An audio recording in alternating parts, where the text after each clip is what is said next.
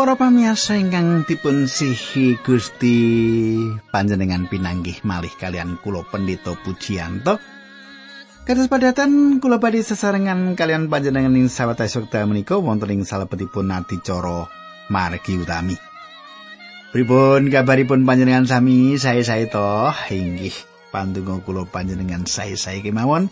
Tangsa wonten ing salebetipun berkahipun Gusti makaten sugeng midhangetaken adicara menika.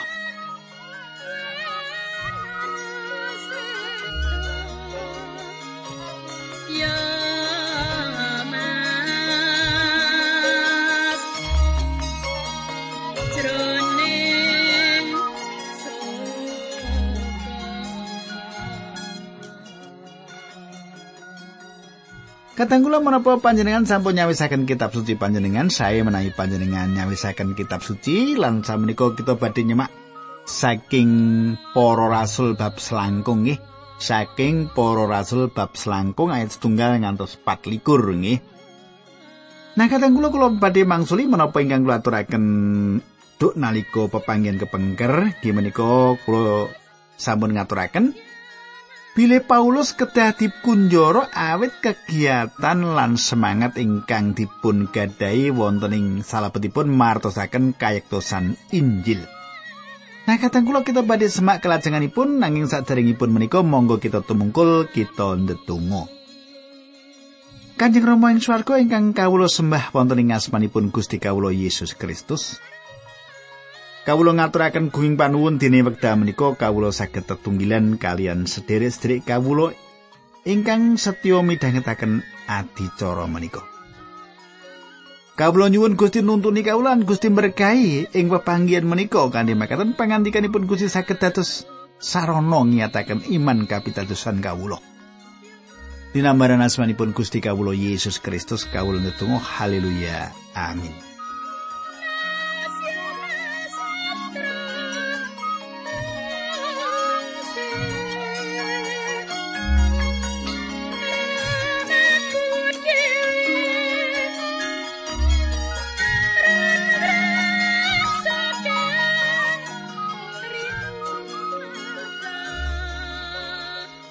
Para sederek, samenika pasinaon kita sampun ngancik ing kitab Para Rasul bab selangkung. Nggih, panjenengan pikak menika kitab Para Rasul bab selangkung. Paulus tansah nampi patrap ingkang boten adil lan dipun kunjara sadangunipun kalih taun. Festus menika gubernur enggal ingkang gentosi Felix. Samenika Paulus badhe kaadepaken kaajengaken gubernur ingkang enggal. Kita sampun nyemak sadaringipun Paulus dipun adepaken kalian tiang kathah ing undang-undangan keraton ing Yerusalem. Kita sampun nyemak ing wekdal semanten wonten ing ngajengipun Sanhedrin. Kita sampun nyemak piyambakipun wonten ing ngajengipun Felix lan salajengipun ngawontenaken pepanggihan pribadi. Kalian Felix lan Drusilla cetha wonten pepanggihan-pepanggihan ingkang sanes. Samenika Paulus badhe wonten ing ngajengipun Festus, salajengipun piyambakipun badhe kaajengaken ing ngajengipun Agripa. Paulus badhe dipun ajengaken wonten ing ngajengipun para panguwas menika lan perkawis menika tentu satunggalipun perkawis ingkang nyayahaken Paulus kahanan ingkang nggodha kesabaranipun. Nanging kadang kula Kulo yakin bilih Paulus Sukorno wonten ing wewengan ingkang dipun paringaken piyambakipun supados nyukani paseksi ing ngajengipun para priagung ing kekaisaran Romawi. Panjenengan imut ing wekdal Gusti Yesus andadosaken tiang pitados Paulus sing margi tumuju Damsik. Panjenenganipun sampun ngandika aku wis milih Saulus kuwi dadi pirantiku kanggo martakake jenengku marang bangsa-bangsa kafir lan para raja lan bangsa Israel. Panjenengan saged semak para rasul songo ayat kang 11.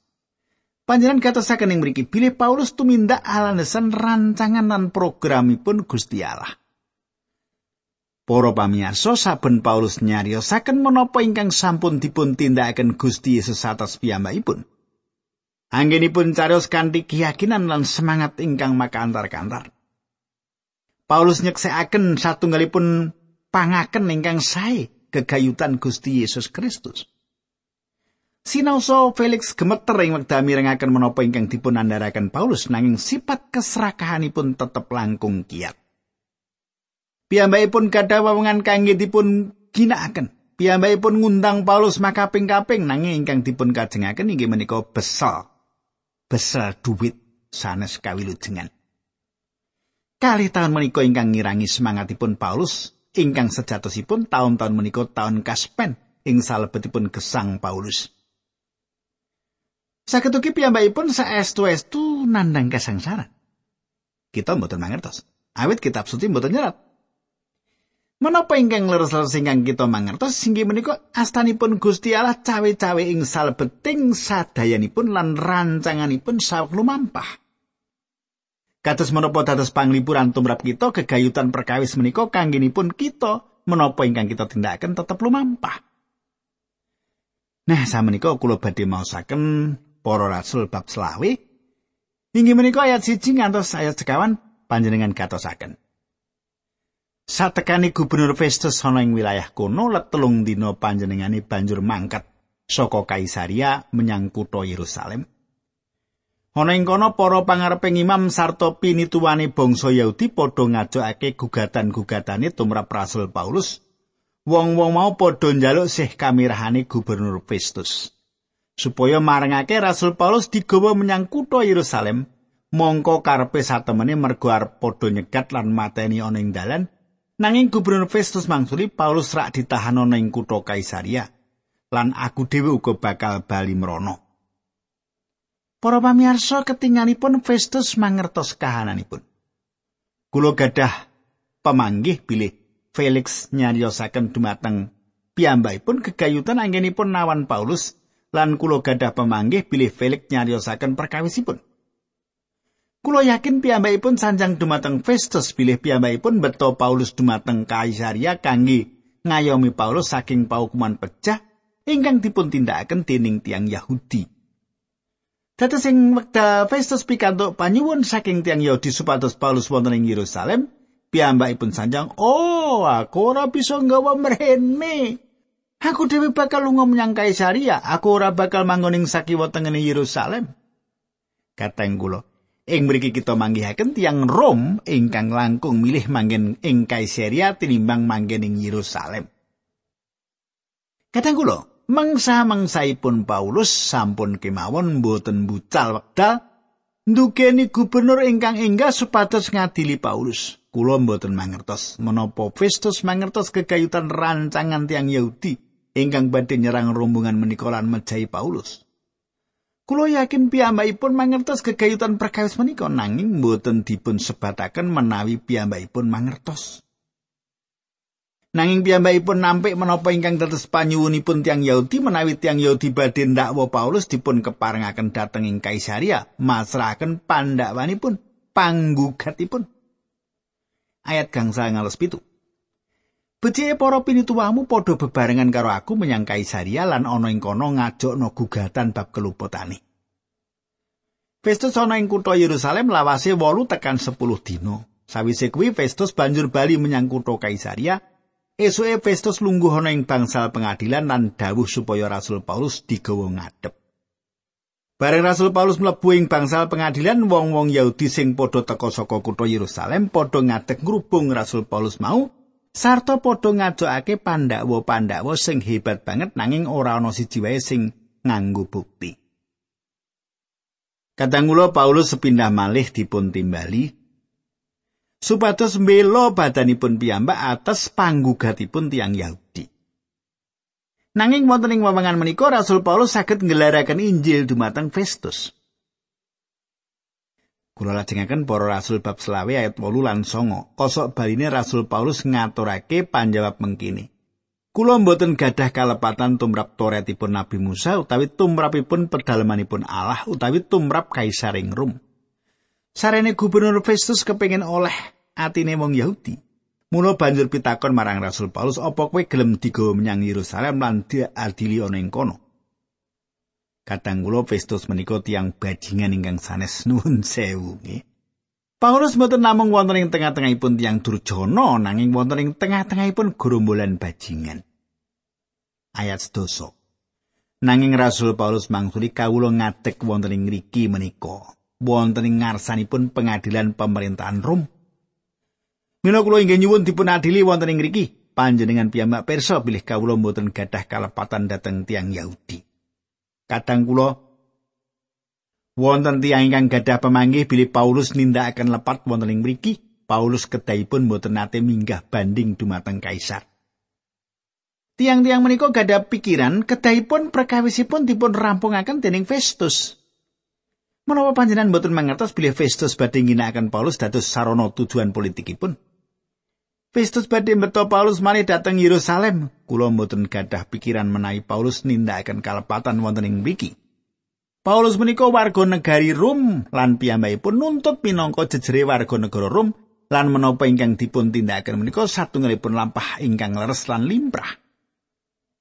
Menawi wangsul dateng Yerusalem piyambakipun badhe nemahi pecah. Paulus sampun tentu mboten sengaja dados tiang martir utawi pecah kangge keyakinanipun agami. Sejatosipun Paulus mbudidaya supados mboten dados tiang martir. Kadang kula wonten tiang ingkang nglenggahi kalenggan dados tiang martir.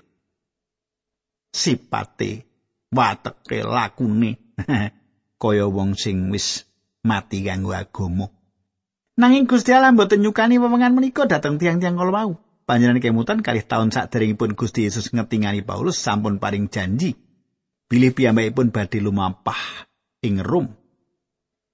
Para Rasul 13 ayat 11. Inggih menika ingkang nembe dumados piyambakipun kesah dhateng Rom menika atas karsanipun Gusti Allah. Piyambakipun dipun rante nanging Gusti dereng meratelaken kados pundi piyambakipun badhe dumugi ing Rom. Sedaya menika satunggalipun cara Gusti Allah kangge piyambakipun. Ing wekdal Paulus nerat serat dumateng pesamaning Rom, piyambakipun sanjang pilih piyambakipun saweg ndedonga supados saged dumugi ing Rom lan Paulus ugi nyuwun supados pesamaning Rom ugi ndedonga. Rom setunggal ayat songo 10 gang 11 ayat tigang doso ngantos tigang doso kali. Manut kula, Paulus tundonipun kisah dateng Rom atas kersanipun Gusti Allah. Mangertos nggih? Sameneika kula lajengaken ayat 11 para rasul selangkung. Menawi kawula nerak angger-angger lan nglampahi perkawis ingkang pantes kaukum pecah, kawula rila pecah. Nanging menawi gugatan-gugatan menika mboten leres tentu mboten wonten tiyang ingkang wenang masrahaken kawula dhateng tiang-tiang Yahudi wau. Kawula nyuwun perkawis kawula kainggahaken dhateng pengadilanipun Kaisar Rom. Katang kula, Kulo ngrasaken bilih wonten raos mboten sabar ing mriki. Rom dipun serat kangge keadilanipun lan Paulus ngurmati kawenanganipun. Nanging Paulus mboten nampi keadilan. Tetes piyambakipun minggah banding secara hukum. Gusti Allah ngersakaken supados Paulus ngginakaken hakipun minangka jejeripun warga negari Rom. Perlu kita gatosaken bilih Gusti Allah nuntun sawetawis tiyang kanthi cara ingkang menika nanging ingkang sanes dipun tuntun kanthi cara ingkang siji. Sawetawis tiyang malih mboten saged nuntut pengayoman minangka warga negari Rom. Kateng kula. Kula tepang kakung istri Kristen. Ingkang sampun dipun berkahi Gusti Allah kanthi kasugihan. Menapa panjenengan diberkahi Gusti Allah kateng kula?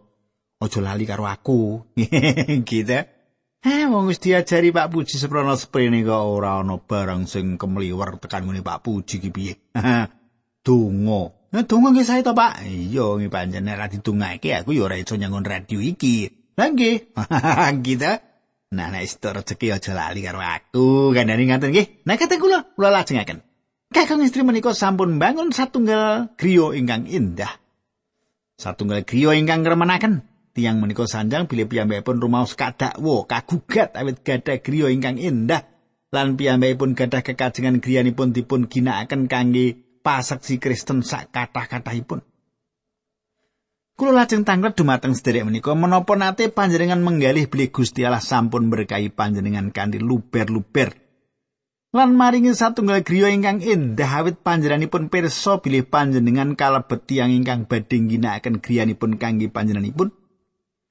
Salajengipun kula nglajengaken sanjang dumateng piyambakipun panjenengan lajengaken perkawis menika lan panjenengan sare kanthi pules saben dalunipun Awit kula mangertos panjenengan wonten ing salebetipun kersanipun Gusti Allah lan ngaturaken gunging panuwun dumateng panjenenganipun awit panjenenganipun maringi satunggal griya ingkang indah dumateng panjenengan. Gusti mboten maringi griya ingkang indah dumateng kula, awit panjenenganipun mboten ngersakaken kula ngginakaken griya kula dipun ginakaken kados makaten kala wau kados sederek kakung istri kala wau.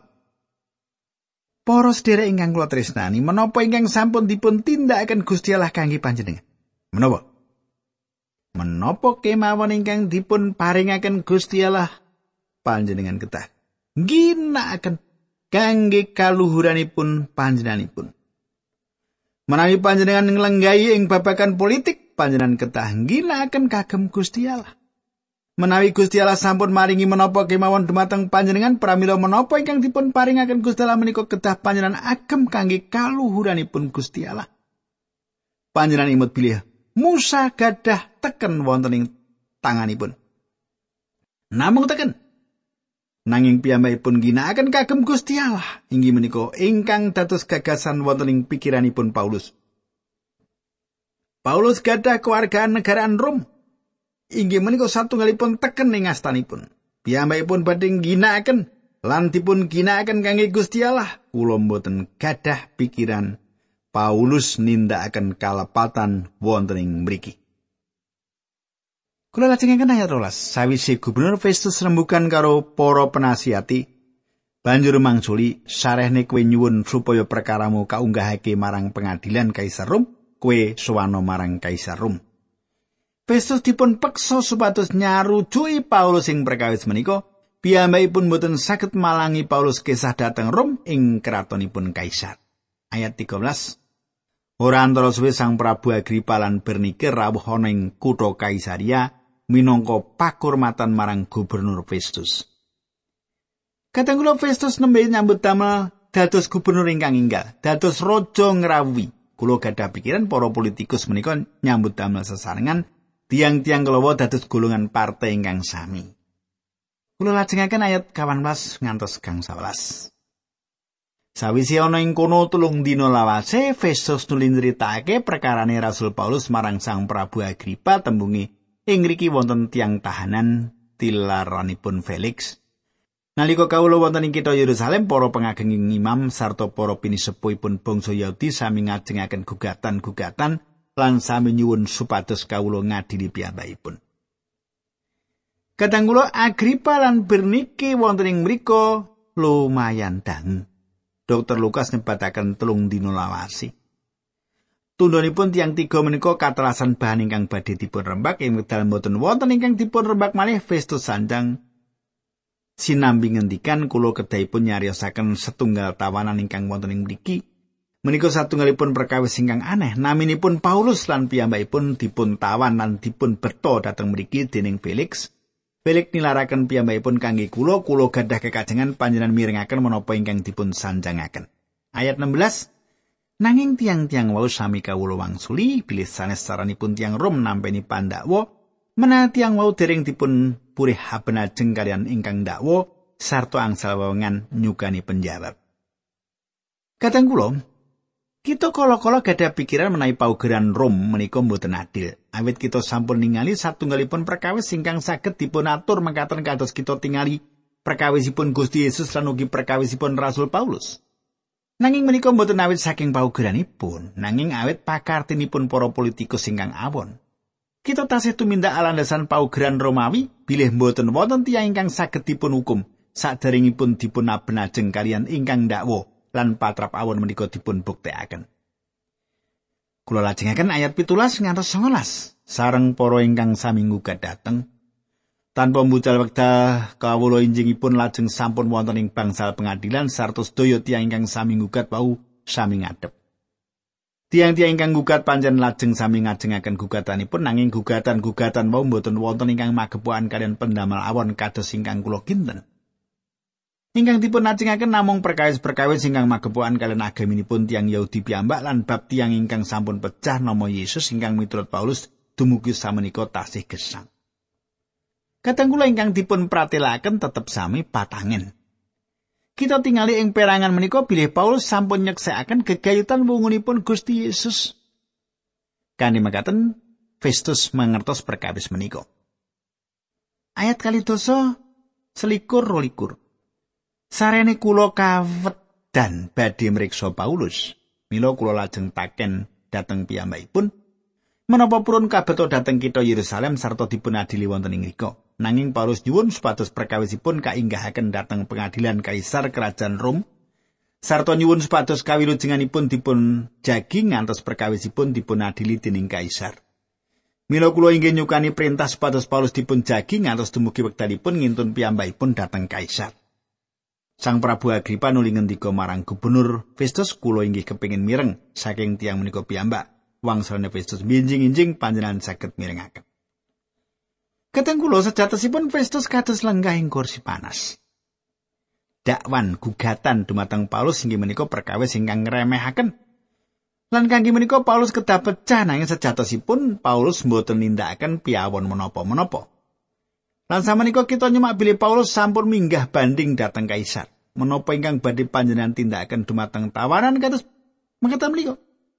Dados Festus nyuwun pados Agripa purun mitulungi lan bebasaken. Kula kinten Agripa saderengipun nate mireng bab Paulus lan samenika piyambakipun leres-leres ngersakaken mangertos bab sinten Paulus ingkang salesipun. Festus ngersakaken mangertos langkung kathah kekaitan dakwan menika lan ngersakaken mirengaken menapa ingkang badhe dipun sanjangaken Paulus. Dados tiang menika ngutus satunggalipun pepanggian sanget narik kawigatosan kados pundi pepanggian menika dipun atur dening raja lan tiang ingkang dados gubernur. Nanging sawetawis menika tiang-tiang menika sawek ngganepi pameca sinaosa tiang-tiang menika mboten ngrumaosi. Paulus ketah kaajengaken ing ngarsanipun para raja kados ingkang dipun ngendikaken Gusti. Kadang kula ingkang kula tresnani, kula mboten badhe nglajengaken dinten menika, mangke menawi kula lajengaken dawane ora karuan. gitu. Nah, kadang kula ingkang kula tresnani, kita badhe nyemak dinten candhaipun kemawon, awit saking menika panjenengan aja nganti ora ngrungokake nggih. Dipun pirengaken menika nambahi kawruh kasukman panjenengan ngiyataken panjenengan nek jenenge kasukman kita diceni kasukmane warak pangandikan Gusti coba napa wae sing nempuh gesang kita kita tetep jejeg santoso.